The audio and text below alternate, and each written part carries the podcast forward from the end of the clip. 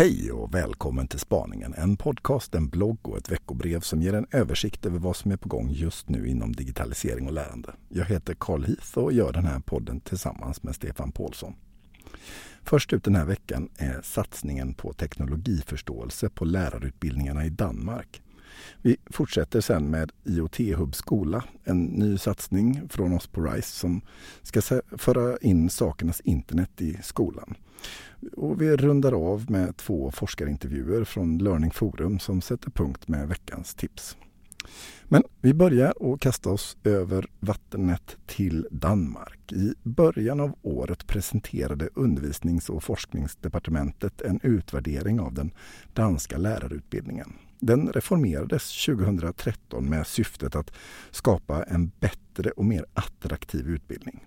Grundskolan genomgick en reform året därpå och det ledde till att nya kompetensmål lades till. Bland annat ska de blivande lärarna lära sig att dra nytta av IT och digitala medier i undervisningen så att eleverna utvecklar digital kompetens, tränar problemlösning och kritiskt tänkande och lär sig lära tillsammans med andra. Utvärderingen visar att det bara är 44 procent av de nyutexaminerade lärarna som menar att de har tillräckliga kunskaper för att integrera de digitala möjligheterna i sin undervisning. Ett viktigt skäl är att utbildningen består av valbara moduler vilket leder till att de som inte är intresserade av digitala frågor väljer att läsa andra moduler istället. Just nu pågår försök med att föra in teknologiförståelse som en del av undervisningen på den danska grundskolan. Eleverna ska utveckla en övergripande teoretisk och praktisk förståelse av hur de digitala teknologier som präglar vardagen fungerar. Det är ett viktigt steg på vägen mot att bli kritiska och reflekterande medborgare som bidrar till utvecklingen av det demokratiska samhället. Det ställer krav på lärarnas digitala kompetens och på lärarutbildningarna.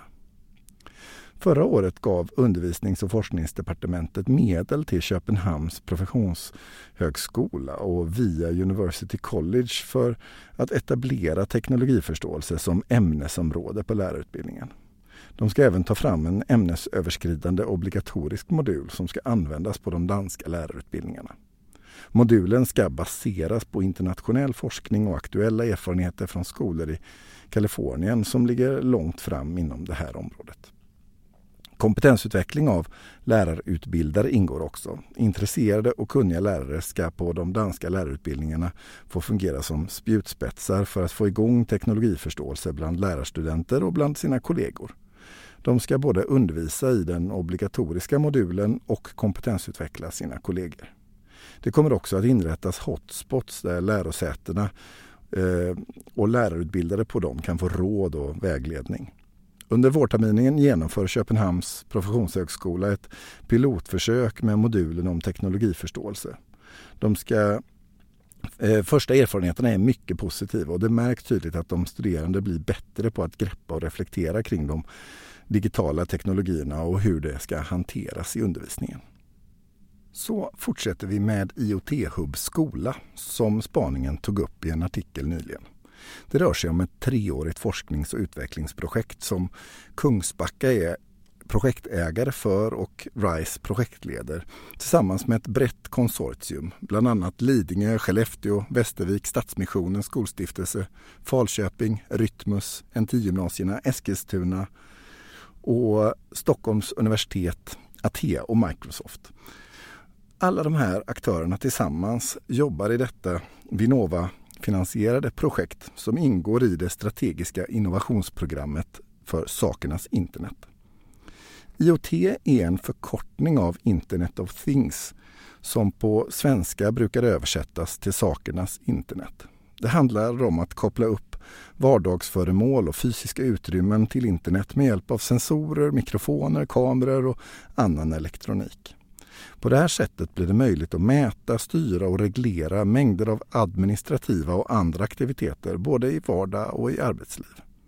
Syftet med IoT Hub skola är att skapa långsiktiga möjligheter för användningen av IoT i skolans verksamhet, både inom administration och undervisningen. Nyligen publicerades rapporter inom tre områden.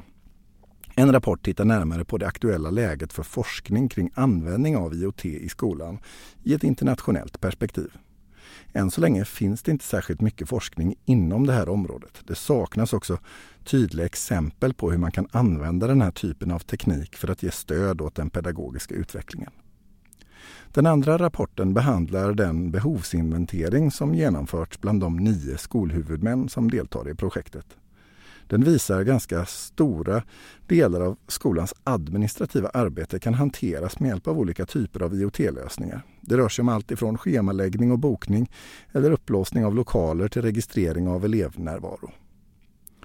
Den tredje rapporten tar upp frågor som rör säkerhet, integritet och etik eftersom det ibland kan handla om hantering av känsliga personuppgifter.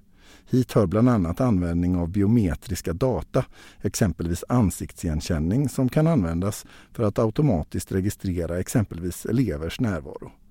Det finns förstås en rad områden där detta kan vara till nytta för elever att samla, lagra och bearbeta data som inte alls är kontroversiella.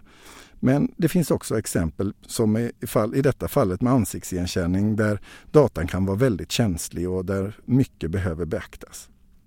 Det tydligaste exemplet på data är kanske vad gäller miljö i klassrummet. Flera studier visar att det här kan gynna elevernas lärande genom att ge bättre förutsättningar. Om vi kan skapa goda miljömässiga förutsättningar så påverkas det som sker i den miljön. Och på det sättet kan användning av IoT också bli en del av undervisning. De förändringar i styrdokument som gjordes under 2018 och som lyfter fram digitaliseringen och den digitala kompetensen ger ett gott stöd för skolorna att använda IoT i undervisning, konstaterar Lars Lingman, projektledare för IoT Hub skola. En utmaning med IoT är att tekniken i stor utsträckning är osynlig. Det är inte alls lika självklart uppenbart som en dator eller en mobil är. En sensor eller en liten kamera i taket tänker man för det mesta inte på. Om eleverna börjar jobba med olika tillämpningar av IoT i klassrummet så kan de få syn på hur tekniken ser ut och fungerar. Och att börja lära känna den här teknikens för och nackdelar är en del av att bli en medveten medborgare i ett allt mer digitaliserat samhälle. Så har vi kommit fram till veckans forskarintervju, eller som den här gången är en Eh, intervju i dubbel upplaga. För på Learning Forum i Göteborg 2018 så videointervjuade vi 27 svenska forskare och forskarstuderande inom skola och lärande i, i, i sin forskning och om sin forskning. Under de närmsta månaderna kommer filmerna att publiceras på Learning Forums Facebook-sida. Filmerna läggs efterhand ut också här på spaningen och kompletteras med en sammanfattande och fördjupande text. Först ut eh, Jakob Mikkelsen som är forskare, interaktionsdesigner och utvecklare på RISE. Han forskar framförallt inom IoT och arbetar bland annat med IoT Hub skola. Den andra forskaren den här veckan är Jonas Linderoth, professor i medieestetik och berättande vid Högskolan i Skövde. Hans forskning handlar om spelutveckling och framförallt olika aspekter av hur spel kan designas för att användas i undervisning eller för att gestalta och framföra en berättelse. Just nu intresserar han sig för hur lärare i högre grad kan involveras i olika delar av designprocessen när spel utvecklas. Om lärare är delaktiga när spel utvecklas och berättar om sina arbetsvillkor och behov finns större möjligheter att spelet löser de didaktiska problem som lärare möter. Så närmar vi oss slutet och då är det dags för veckans tips. Rymdstyrelsen, Kodcentrum och Mattecentrum har tillsammans tagit fram det kostnadsfria undervisningsmaterialet Leja och björndjuren knäcker rymdkoden som vänder sig till elever i årskurs 4 till 6.